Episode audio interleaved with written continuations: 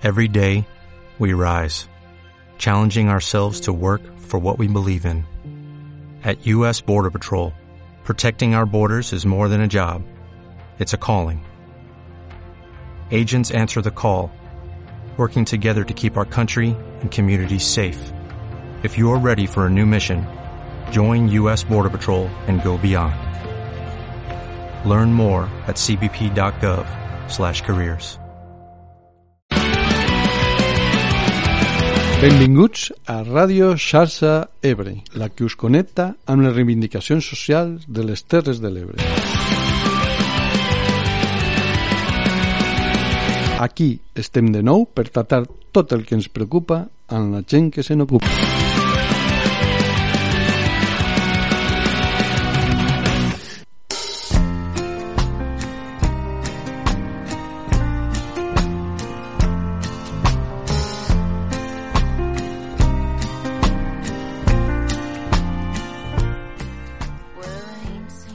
Dia, bona hora, bona gent. Salutacions afectuoses a totes les persones que ens escolteu. De vegades oblidem l'origen de les paraules, però salutació ve de salut, de desitjar-vos salut, i és el que volem. I a més, avui, que precisament atem un tema de salut, de salut mental, i concretament en els joves. Can't see stars.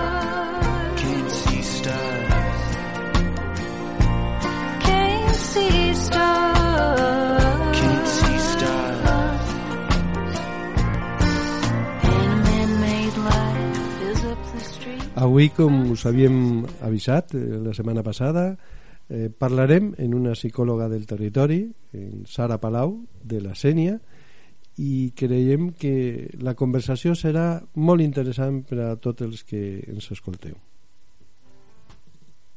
Ara, el primer seria que et presentessis una mica, breument. Ay, sí, es verdad. Digues, digues, digues a, què, a què et dediques eh, i, bueno, això, Sí. breument, però que la gent pugui saber. Sí.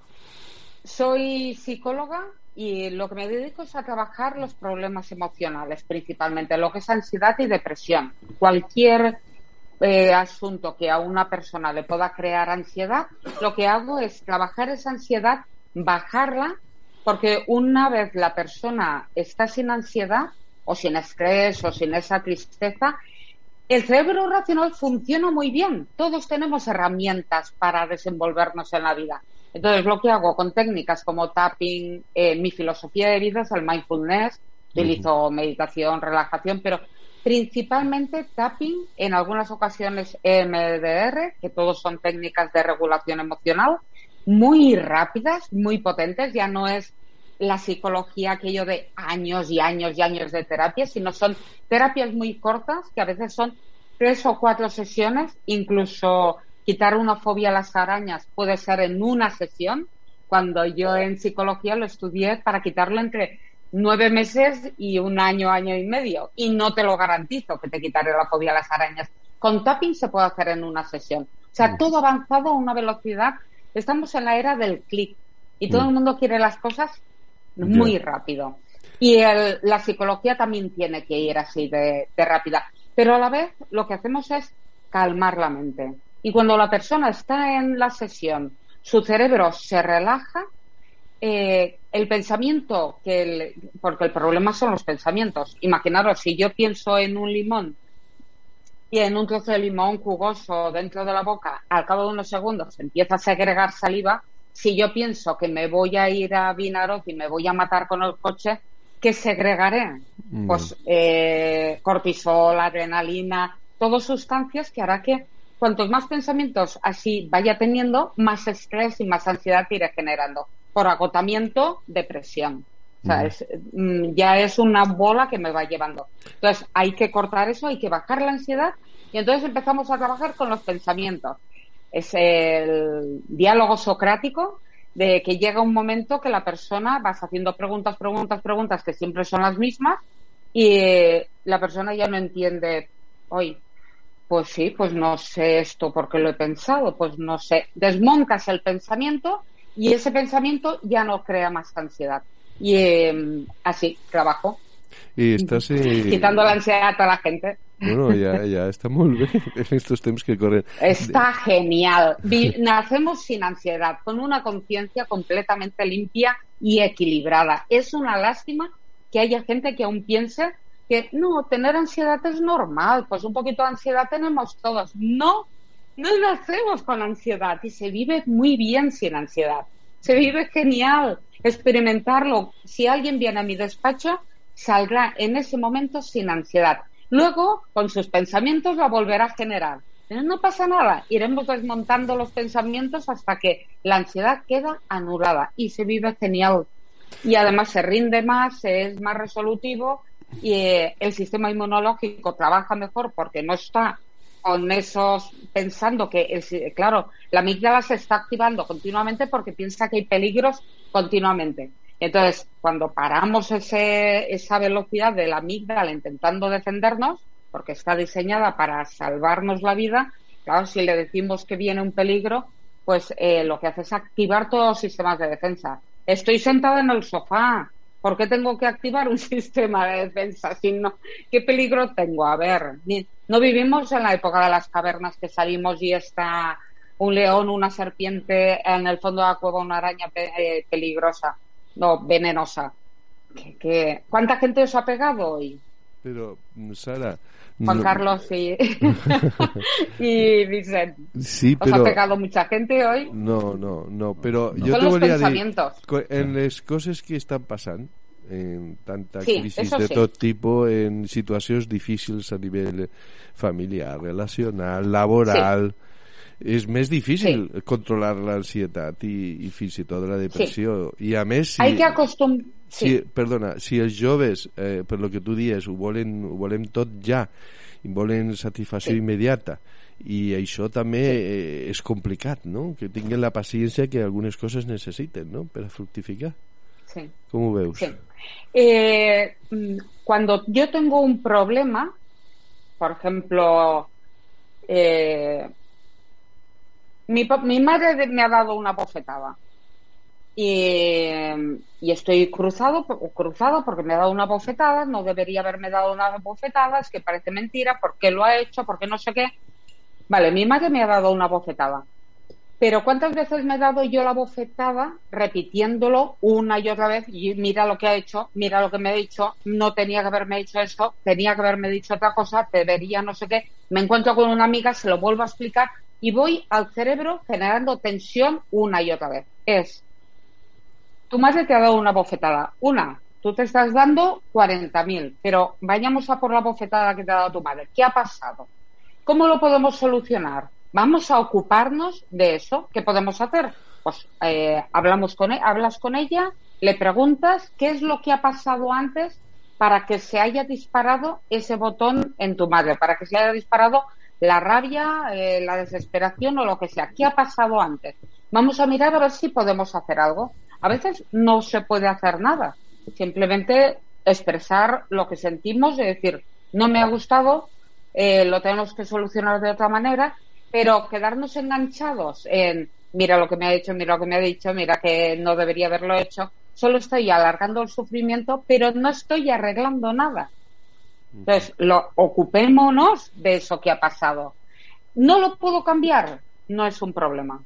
Si yo no puedo hacer que, no sé, yo qué sé, eh, mi hijo es autista y eso no lo puedo cambiar, tendré que digerirlo de alguna manera, que aprender a digerir esa situación. Cuando una cosa no se puede cambiar, hay que digerirla y hay que aceptarla. Y cuando algo, eh, si nos hace daño, es que no está digerido esa situación. Es pensar que es como me como yo una manzana y cuando me como la manzana hay partes de la manzana que pasan a mis músculos, mis huesos, mi piel, eh, todo lo que me beneficia y lo que no me beneficia lo expulso. Mm, Lo cago directamente. O lo vomito o lo cago, pero dentro no se ha de quedar. Cuando yo tengo un nudo en el estómago es que una situación no la he digerido y tengo que mirar a ver qué es lo que no puedo digerir de esa situación. Y eh, hablarlo, ir a la psicóloga, hablarlo y trabajarlo con tapping, con el diálogo socrático, con todo para acabar digiriéndolo y sentirme bien, que no significa que me guste, Puede no, me, no gustarme la situación, pero la he digerido, que es diferente. Hay situaciones que no me gustan y he aprendido algo de esas situaciones, pero siguen sin gustarme. No pasa nada. Mientras no creen malestar y esté digerido, perfecto, está bien. Y luego, mm, el lo otro que me has dicho es, nos gusta todo ya. ¿No? ¿Por qué nos gusta todo ya? Vale. Tenemos en el cerebro un, el núcleo accumbens, que lo tenemos por partida doble, y el núcleo accumbens, eh, que lo tenemos de cuando vivíamos en las cavernas, o sea, es muy antiguo, la, el cerebro emocional, lo que hace es disparar dopamina. Y la el disparo de dopamina es... Es eh, cuando te toca la lotería, cuando te suben el sueldo, cuando te ascienden de trabajo, mm, cuando me llamasteis de ¿quieres hacer una entrevista? Sí, me, me apetece un montón charlar. Entonces, esos son disparos de dopamina. ¿Qué ha pasado ahora en la nueva era? Porque antes tú tenías que hacer un esfuerzo para tener un disparo de dopamina que era tan agradable. Dopamina no es adrenalina. Adrenalina es me persigue alguien y salgo corriendo, ahí tengo adrenalina. Si mm, la dopamina es el también el corazón se acelera, pero es de alegría, es ostras, qué bien, sí, ah, muy bien. O sea, es una sensación muy agradable, también da subidón. ¿Qué pasa? Que ahora tú juegas a videojuegos y eso, los disparos al núcleo accumbens son seguidos. Clac, clac, clac, clac, clac, clac. Y quiero, como eso, cada vez que salen las lucecitas o suena la musiquita o me regalan una vida es y se pasa su cerebro continuamente saltando. Claro, quiero jugar más porque quiero más. Eso es como una droga. Y quiero más, y quiero más. Y me vuelvo a enganchar. Y quiero otra partida y otra partida porque necesito eso.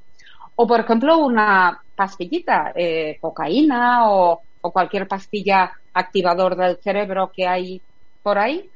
Eso lo que hace es disparos de dopamina. Bueno, y te pasas una noche, supongo que de maravilla, eh, fantástica. Pero, eh, ¿qué pasa cuando tú te pones un objetivo o una meta, como estudiar una carrera, eh, alcanzar cualquier objetivo? Que la dopamina no la tendrás hasta que no alcances el objetivo. Y llega un momento que todos esos objetivos los vas abandonando. Porque si con un whisky ya tengo dopamina, con una pastillita de alguna sustancia tengo dopamina, jugando a juegos de videojuegos juego dopamina, ¿por qué voy a estar esforzándome en algo? O sea, el valor del esfuerzo eh, se ha anulado en esta era. No sé qué nos espera, qué, qué futuro hay, ya no solo por eso, sino porque eh, las pastillitas y las drogas van a una velocidad y yo me vienen adolescentes al despacho y cuando terminamos de hacer la terapia dice, uy, me siento tan bien como si me hubiera fumado un porro. Y yo digo, bueno, pues claro, te ha salido más caro, pero yo creo que es más saludable. Pero claro, yo me quedo, es como que las drogas ahora es mm, muy normal. Me asusta sí, y sí. todo porque eh, cuantas más drogas tomemos, el Alzheimer a edad más temprana aparece. Y nos podemos encontrar que la gente que ahora tenemos 50 años, en vez de que hayan personas más jóvenes que nos cuiden, que acabemos nosotros cuidándolos. Y yo digo, pero bueno, pero bueno, pero bueno. O sea, ¿qué sentido tiene? Entonces, no sé hacia dónde vamos. Por un lado es maravilloso porque yo para hacer un trabajo cuando era adolescente tenía que ir a la biblioteca y mirar los libros y no sé qué y me pasaba horas y horas allí con una información que era eh, bueno que ya no tenía nada que ver con la realidad y ahora es que quieres saber algo y abres el ordenador y es, eh, o el móvil y automático el otro día eh, yo iba con mi hija y oí un comentario, esto es una merienda de negros. Y yo digo, esa frase me suena. Me suena y me suena mal, pero no, no sabía qué era. Y no tuvimos ni que volver a casa. En el móvil busqué qué significaba. Y, entonces me acordé y le expliqué a mi hija lo que quería decir porque ella estaba extrañada. Una frase pues que a lo mejor hace tiempo que ya, gracias a Dios, no se utiliza. Mm, pero o gracias a que hemos ido avanzando. Pero ahí viene el problema. ¿Cómo hacemos para que ese núcleo accumbens no se esté activando continuamente? La labor para mí está antes de llegar a la adolescencia, porque entre los siete y los nueve años es cuando se generan los valores que dirigirán la vida de una persona, toda su vida. A los nueve, siete, nueve años ya, se- ya se te ha acabado el tiempo para enseñar valores. Luego, cuando llega la adolescencia, todo el castillo que habías montado te lo desmontan, que es lo ideal, desmontan ese castillo y lo montan a su manera. Y entonces ya, eh, ya no quieren hablar, ya no quieren escuchar, ya tienen que adaptarse a un grupo, a saber a qué se dedicarán, ya tienen mucho trabajo. Entonces, la adolescencia es momento de, el trabajo tiene que estar hecho. Y entonces ahí es escuchar, escuchar, escuchar, porque ellos son el futuro, ellos tienen que crear la nueva sociedad.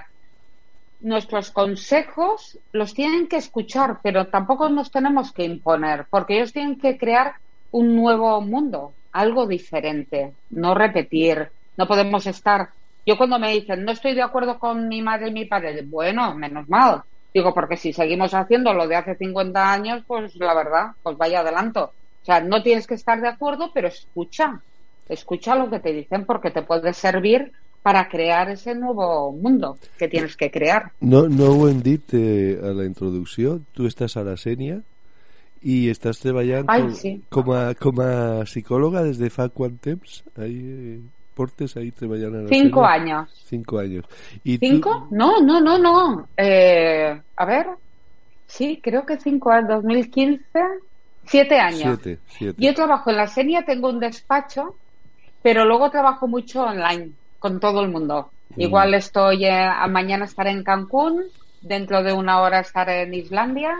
Eh, eh, también mm, luego he tenido una urgencia de una persona de Barcelona, Madrid, Barcelona, de España, de todas partes y del mundo también. Y, tú, eh, en estos últimos años, eh, has notat que hi ha un increment de problemes d'estos, d'ansietat i, de, i depressió, en tot això que ha Lo, caigut? Mm. Lo que ha cambiado. A ver, sí que mm, ha cambiado de dónde viene la presión, porque antes era el machismo que había en casa, la manera de educar a los hijos y a las hijas. Ahora yo creo que eso no está tanto, está un poquito mejor por lo que oigo en los adolescentes. Ahora la presión es muy bestia en el instituto entre las redes sociales, entre ellos mismos. Es una guerra.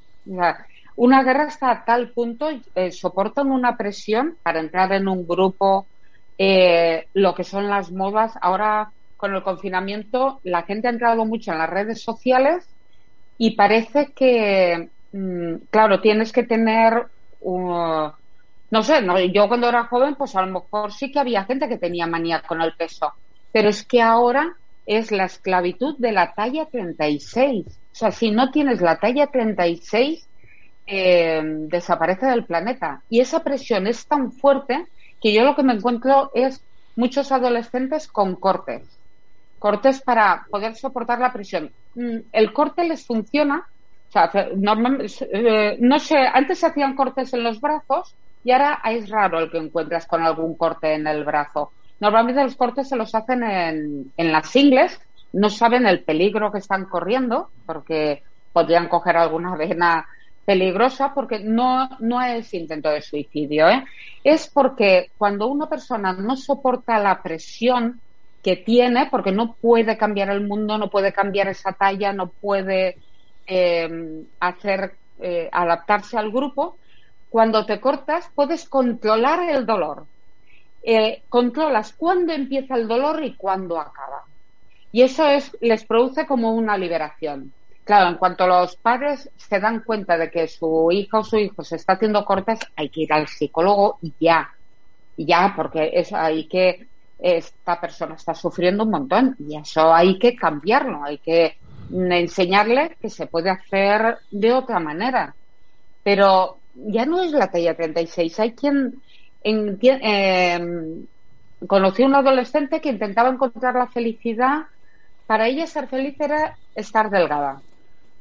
Y, le pregunté cuánto pesaba, me dijo 42 kilos, medía lo mismo que yo, que mido 1,58, no, no era muy alta.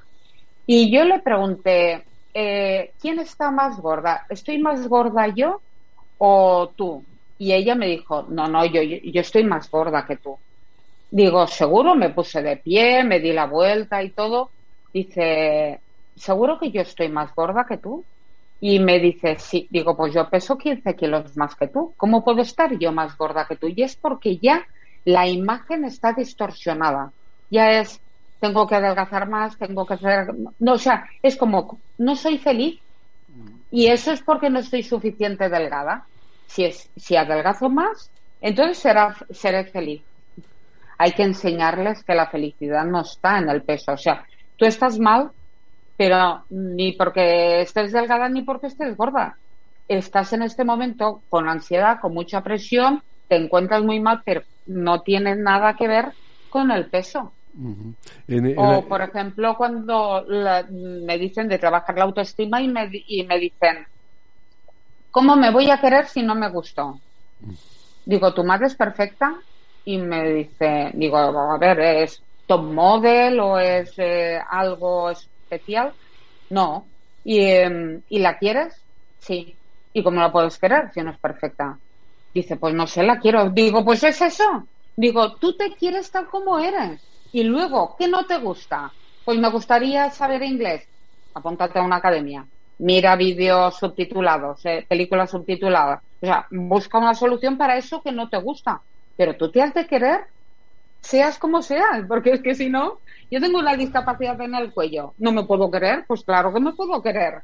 Y más si todo me tengo que querer. Solo faltaría eso. Eh, Sara, en, en aquest programa, quan hem tratat estos temes, eh, també ha sortit diverses vegades el fet de que, de que l'atenció des del sistema públic és molt deficient en salut mental.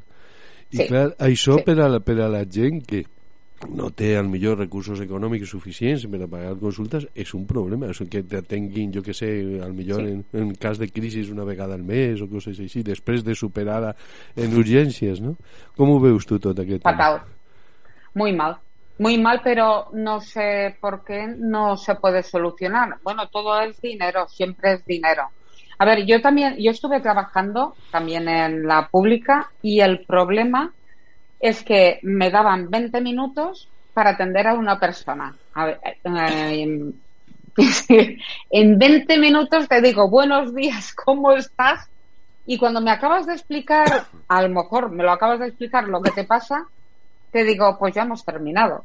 Quizá el próximo día espero que tengas el mismo problema porque como tengas otro, pues tampoco te voy a poder ayudar. Y eso para un profesional es muy frustrante. Sí.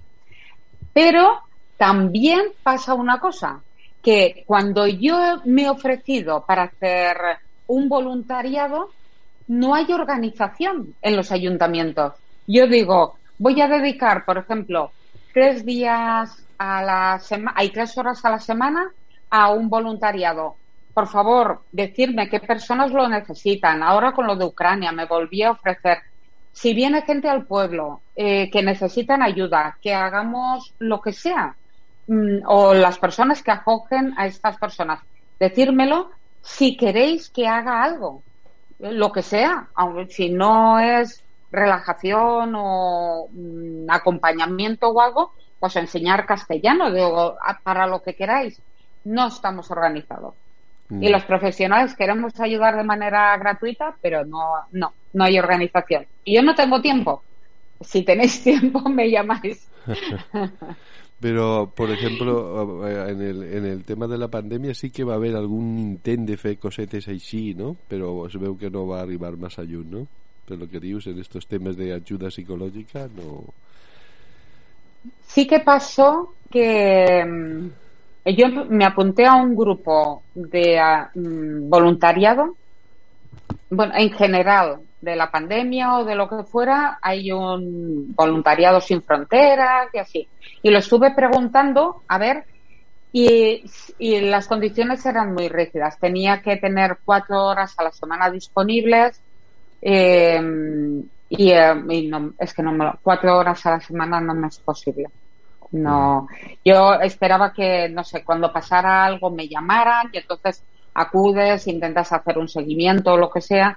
O mm, sí, la verdad es que antes he dicho tres horas a la semana y tres horas no, pero a lo mejor una o dos horas y acompañar a alguien o hacer algún seguimiento a alguien sí que podía, pero mm, no. mm, No, al final en ese programa además era, era en Valencia, pero bueno, online se puede hacer mucha cosa también, no hay ningún problema. Pero sí, al final no lo, no lo solucioné. Pero así en pueblos pequeños no sé si hay mucha cosa. Bueno, por lo menos en mi pueblo no. Com veieu, molt interessant tot el que ens explica Sara. Ara, com estem arribant a la meitat del programa, us deixarem en una música, en so i deixant que caiga, i després tornem a continuar conversant en ella. dolor,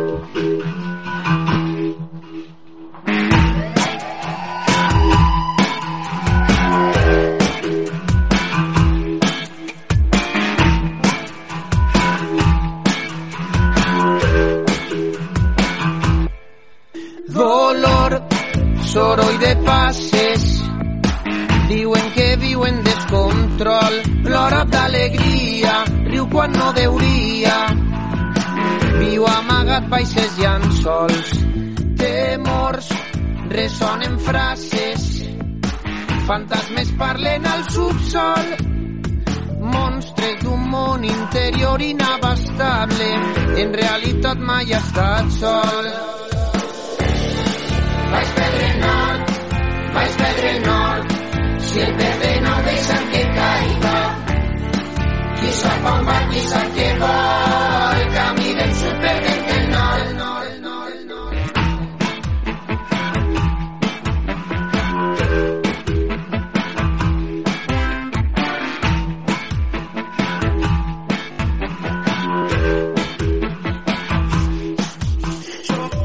Soledat per el viu en un estat d'alerta. Pesen les cançons, pesa tot pensaments de plom. Pesa també l'existència. Francomiradors viuen als balcons parles, crides i ningú contesta. Cau i mor un món sol seu no té jo la locura està d'oferta. Vaig perdre el nord, si el Qui sap on va, qui sap què vol, el camí del sud perdent el nord, el nord, el nord, el nord.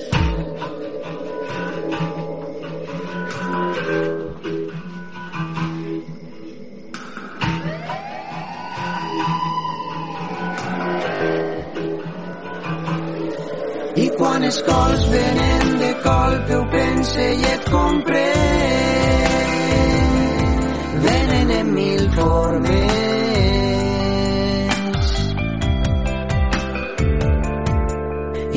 es mou i tot és fosc i els monstres volen més.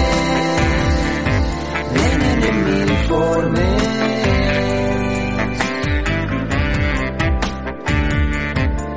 I venen ports i venen plors i sempre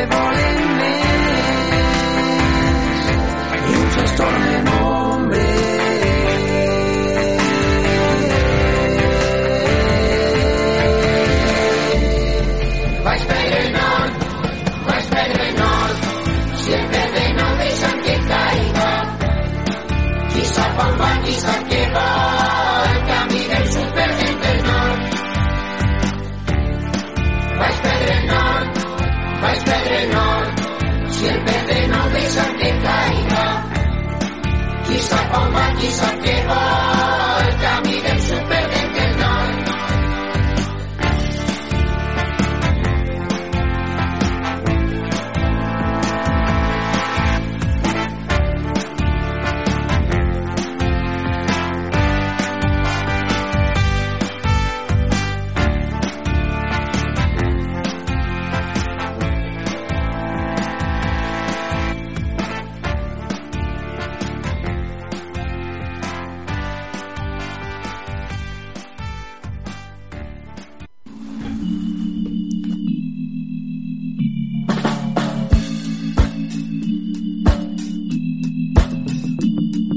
Esteu escoltant Xarxa Ebre, la que parla del que ens preocupa amb la gent que se n'ocupa. Perquè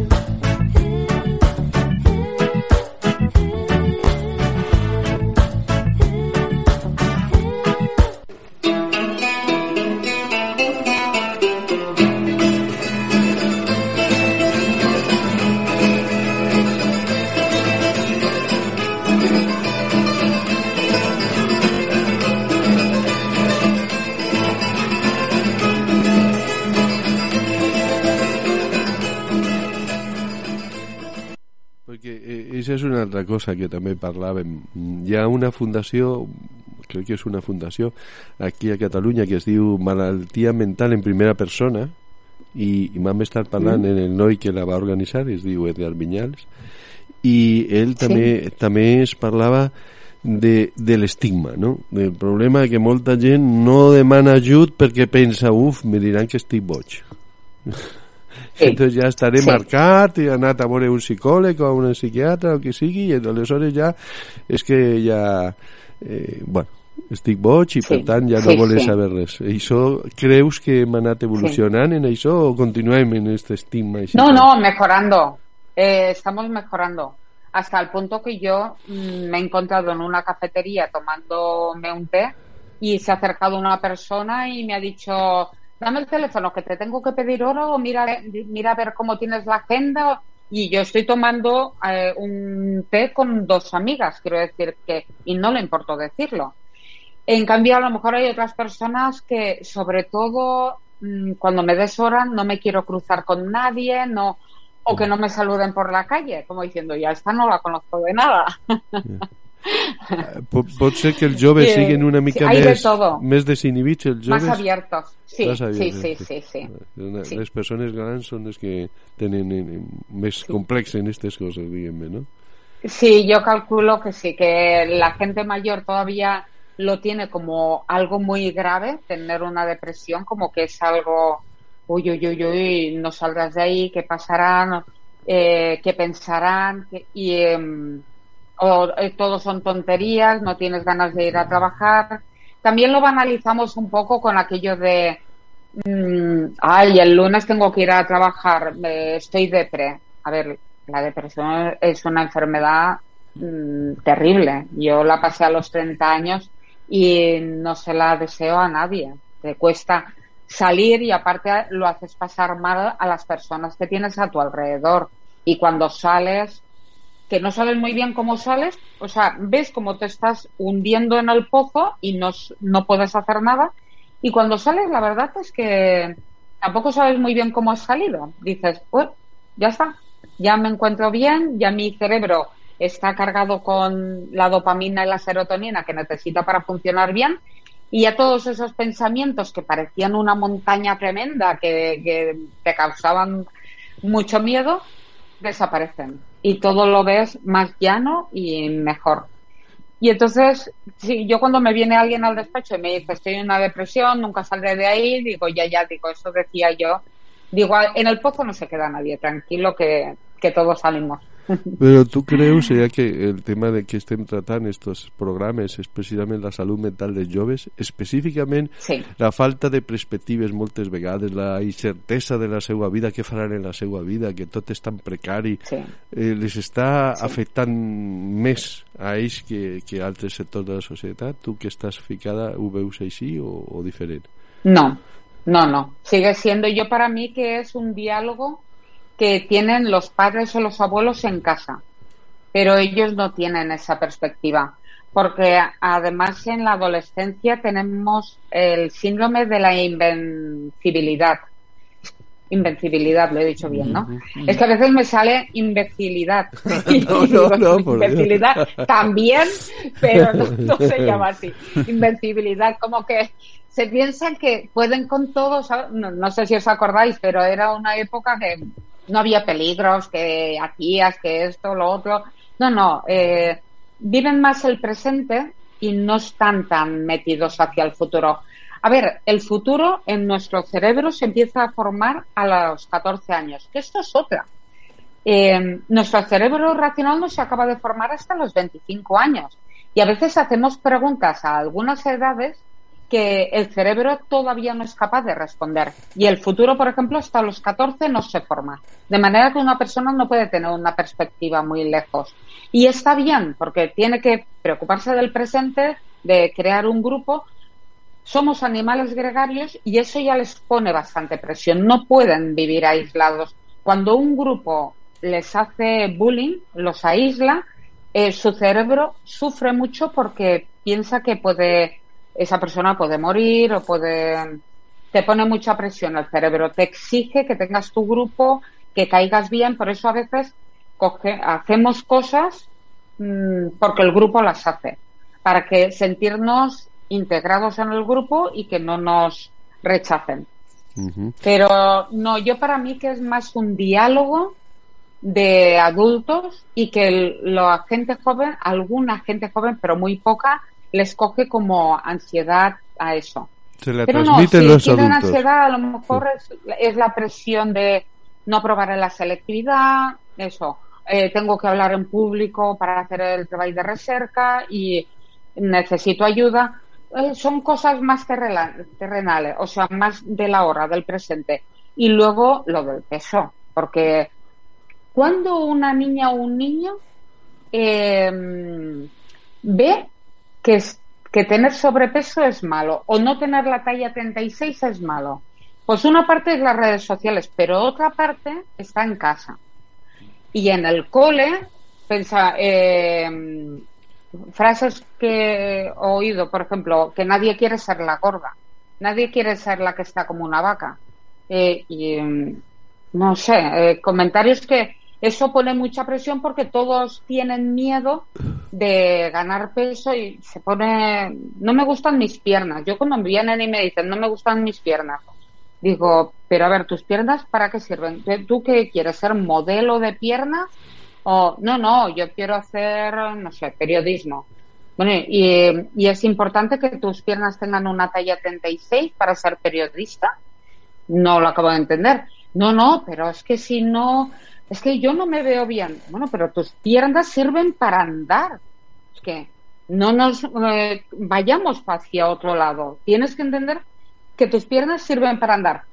Cuando racionalmente lo entiendes, lo que hacemos es trabajarlo emocionalmente, porque el cerebro emocional va por un lado y el racional va por otro. Pues Entonces- que, que parles d'emocions, perdona, d'emocions i de xarxes socials, i aquí diu que, Sí. que les xarxes socials són molt massa emocionals, o sigui que la gent acelera, acelera els seus sentiments i confronta més i se fa més difícil sortir de, de conflictes a través de xarxes. Tu Sí. has, comproves, has comprovat que és així? Sí, además la, hay personas mm, que atacan de una manera, porque sí que es normal, nuestro cerebro se polariza, eh, blanco, negro, bonito, feo, es, yo digo, mm, pues uno da, da una idea, por, me acuerdo una chica que hizo una pregunta y había gente que estaba de acuerdo y había gente que atacaba de una manera pero sin argumentos, simplemente insultando, insultando, insultando.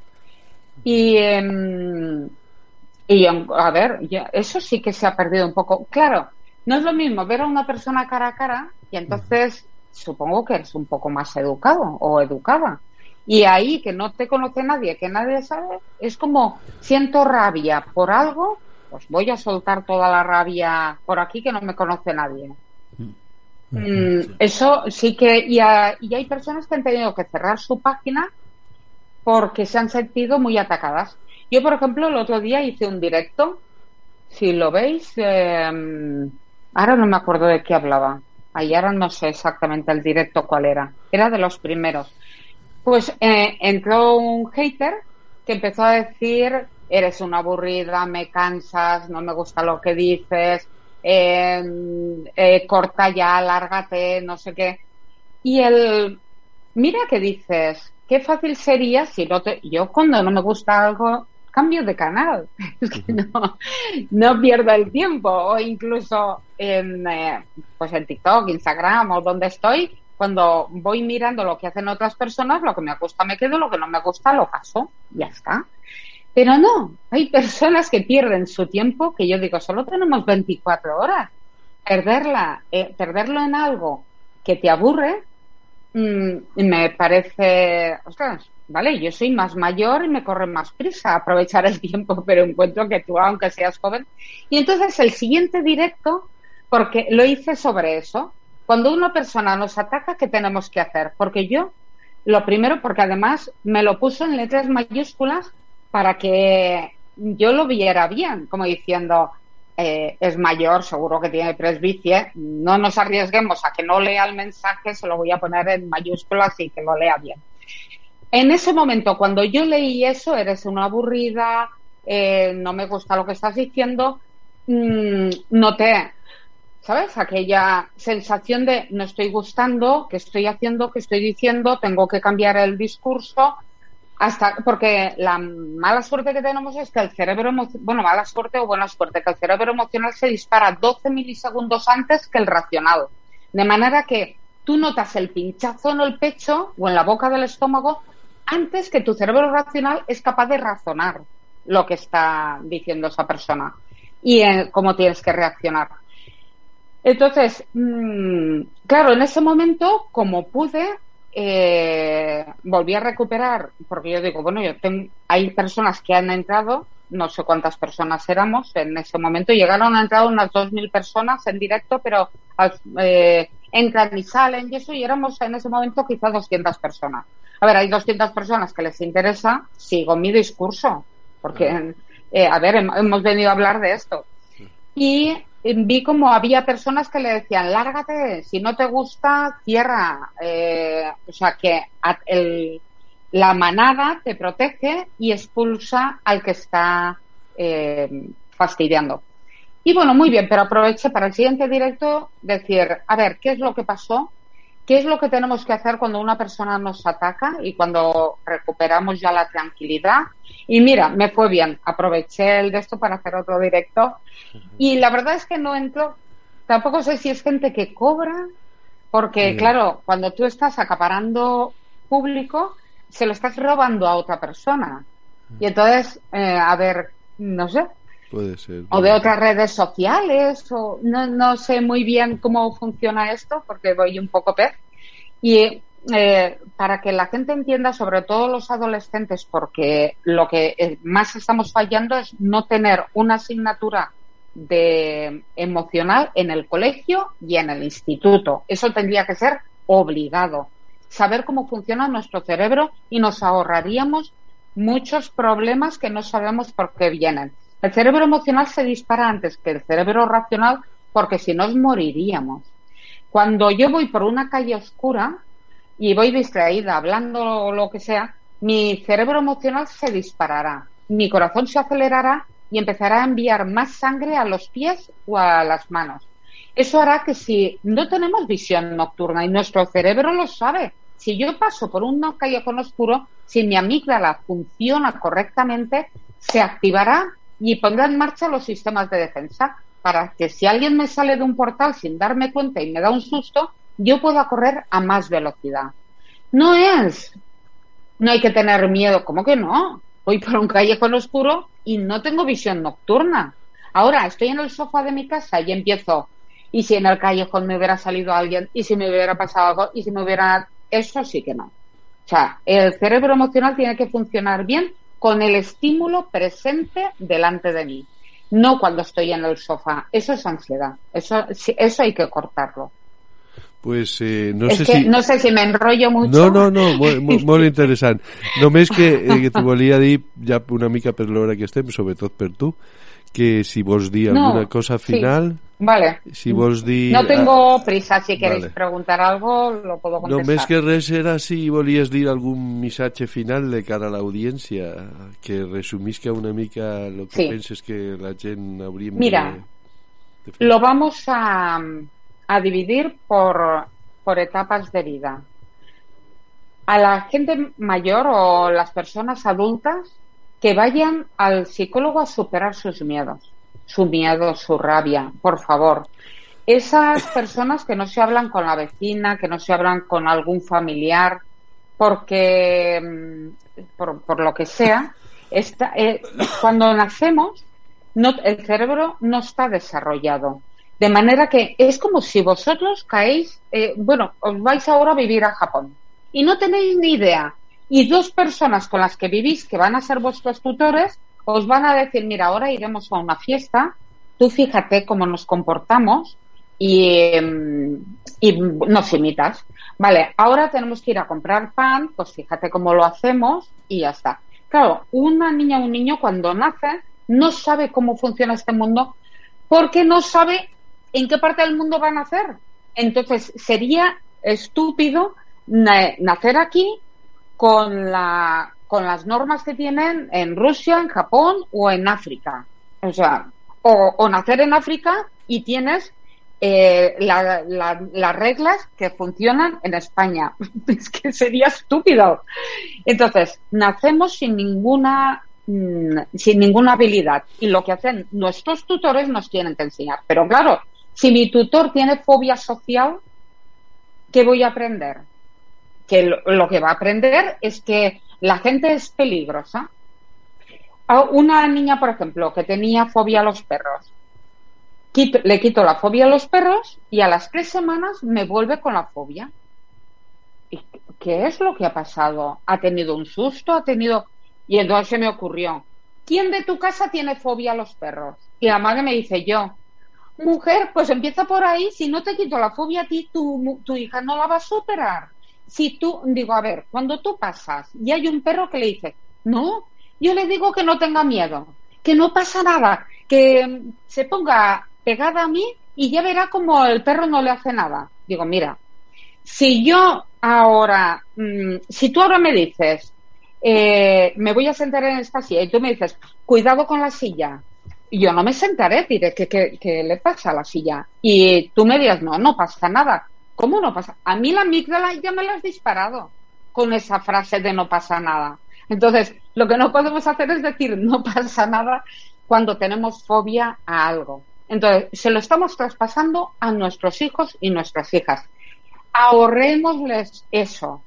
Entonces, primero a los adultos, supera tus miedos, supera tu rabia, supera todo eso que tienes pendiente de superar que te ha pasado en el pasado. Y mm, luego eh, nacen los hijos y tú tienes que ser un tutor de los hijos y tienes hasta los 7 o 9 años para enseñarle todos los valores y ser un buen ejemplo de tus hijos. Porque mm, no tiene, apenas tienen concentración y entonces se fijan en lo que haces, no en lo que dices. Por mucho rato que estés hablando, eh, ellos se fijan en lo que estás haciendo. Y a los adolescentes. Eh, a los adolescentes. Es la peor época de la vida de una persona. Es la más difícil. Entonces, todo lo que en ese momento tengan de miedos, de dudas, de, de problemas para relacionarse, que vayan a terapia, que cuatro o cinco sesiones es muy rápida. Irá, iremos solucionando cosas e irán tirando millas. Y mm, sí, es difícil. La adolescencia es difícil, pero todos la hemos superado. y nuestros padres también la han superado. No hay ningún problema. Entonces, es más que eh, nada eso.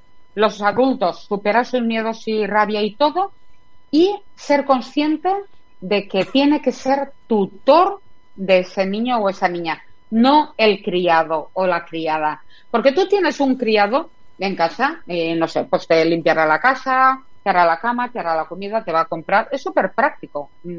A mí me encantaría tener una, un criado o una criada en casa y no tener que hacer nada. Es súper práctico. ¿Me enseña algo? No. No, no. O sea, no me enseña nada. Entonces, no tengo tiempo para estar con mi hijo. Bueno, una solución es no lo tengas. Y la otra solución es delego durante los primeros años de vida las faenas que puede hacer cualquier persona, sea, limpiar la casa, hacer la comida, pues te vas ahí y la compras el día que no tengas tiempo. O yo me acuerdo que de noche a lo mejor llegaba muy cansada, sándwich para cenar, que no pasa nada, que no se mueren por comerse un sándwich de vez en cuando. Y el, y el tiempo, comunicación. Y comunicación no es te suelto todo el rollo y ya está.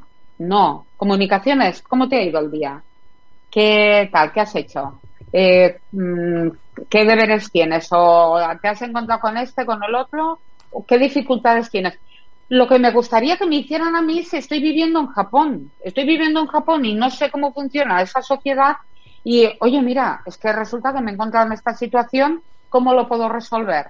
Lo no puede ser es que un adolescente tenga un problema de bullying y no sepamos resolverlo. Porque no sabemos, es que no sabemos. Y encima le pasamos la pelota de no hagas caso. ¿Cómo que no hagas caso? A ver, tenemos que dar otra solución a no, no, dar, no dar caso.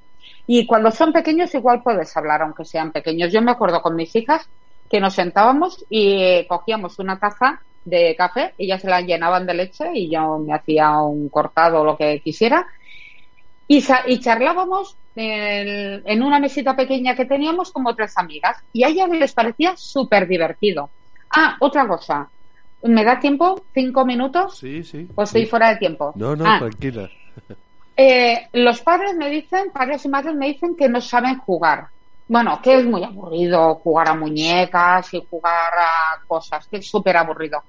Un, eh, no estamos hablando de jugar, eh, es como un cerebro tan pequeño que no está acabado de desarrollar puede aprender habilidades sociales. Bueno, pues el como sí. Vamos a jugar como que, como que tú eres la panadera y yo vengo a comprar. Y entonces, yo le estoy ense- enseñando vocabulario, le estoy enseñando conductas. Entro y saludo, pregunto, me das el cambio, lo cuento, me lo guardo. Eh, ahora lo haremos al revés. Tú serás la clienta y yo soy la panadera. Y cosas así. Ahora vamos al médico, ahora vamos al dentista, ahora vamos al veterinario, ahora vamos al electricista. Y esta niña o niño van aprendiendo cómo funciona la sociedad con un juego. A eso hay que jugar. Luego, viene mi hijo o mi hija llorando. ¿Por qué lloras? Tiene tres años. No lo sé. No sé. No, no sabe explicarlo. Le enseñas este dibujo.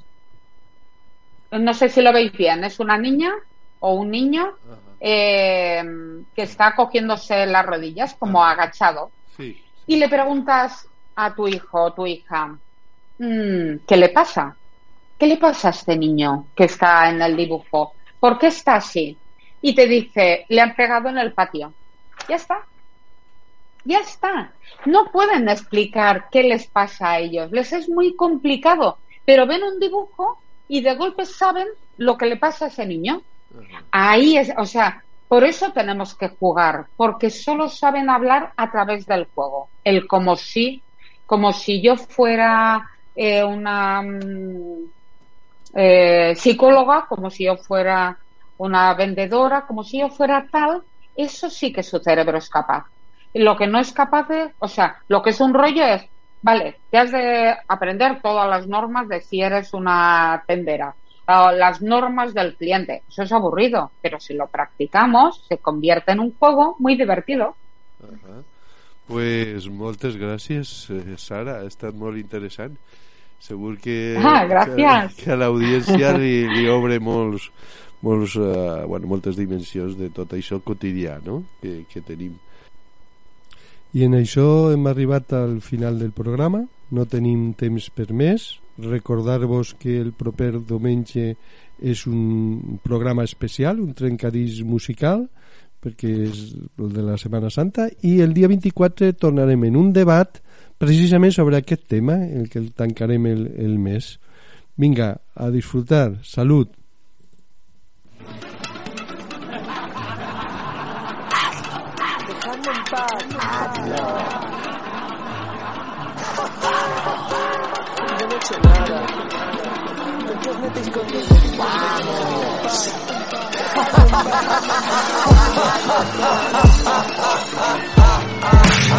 Querido amigo imaginario, hoy lo han vuelto a hacer los compañeros de la clase, me han pegado.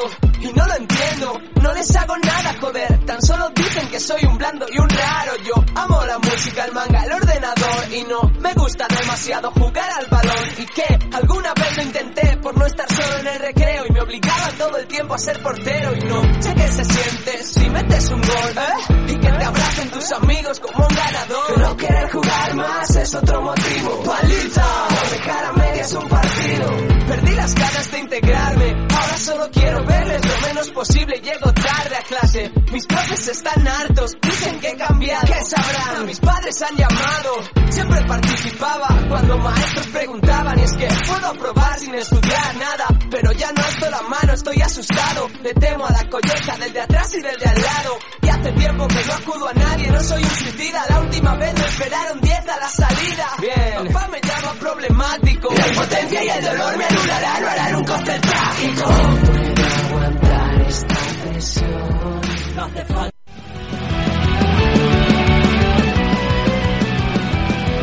T'esperem a la propera emissió de Xarxa Ebre. Ens trobaràs al WordPress, al Gmail, Facebook, Twitter i a l'iVox. Sempre amb aquesta etiqueta, Xarxa Ebre.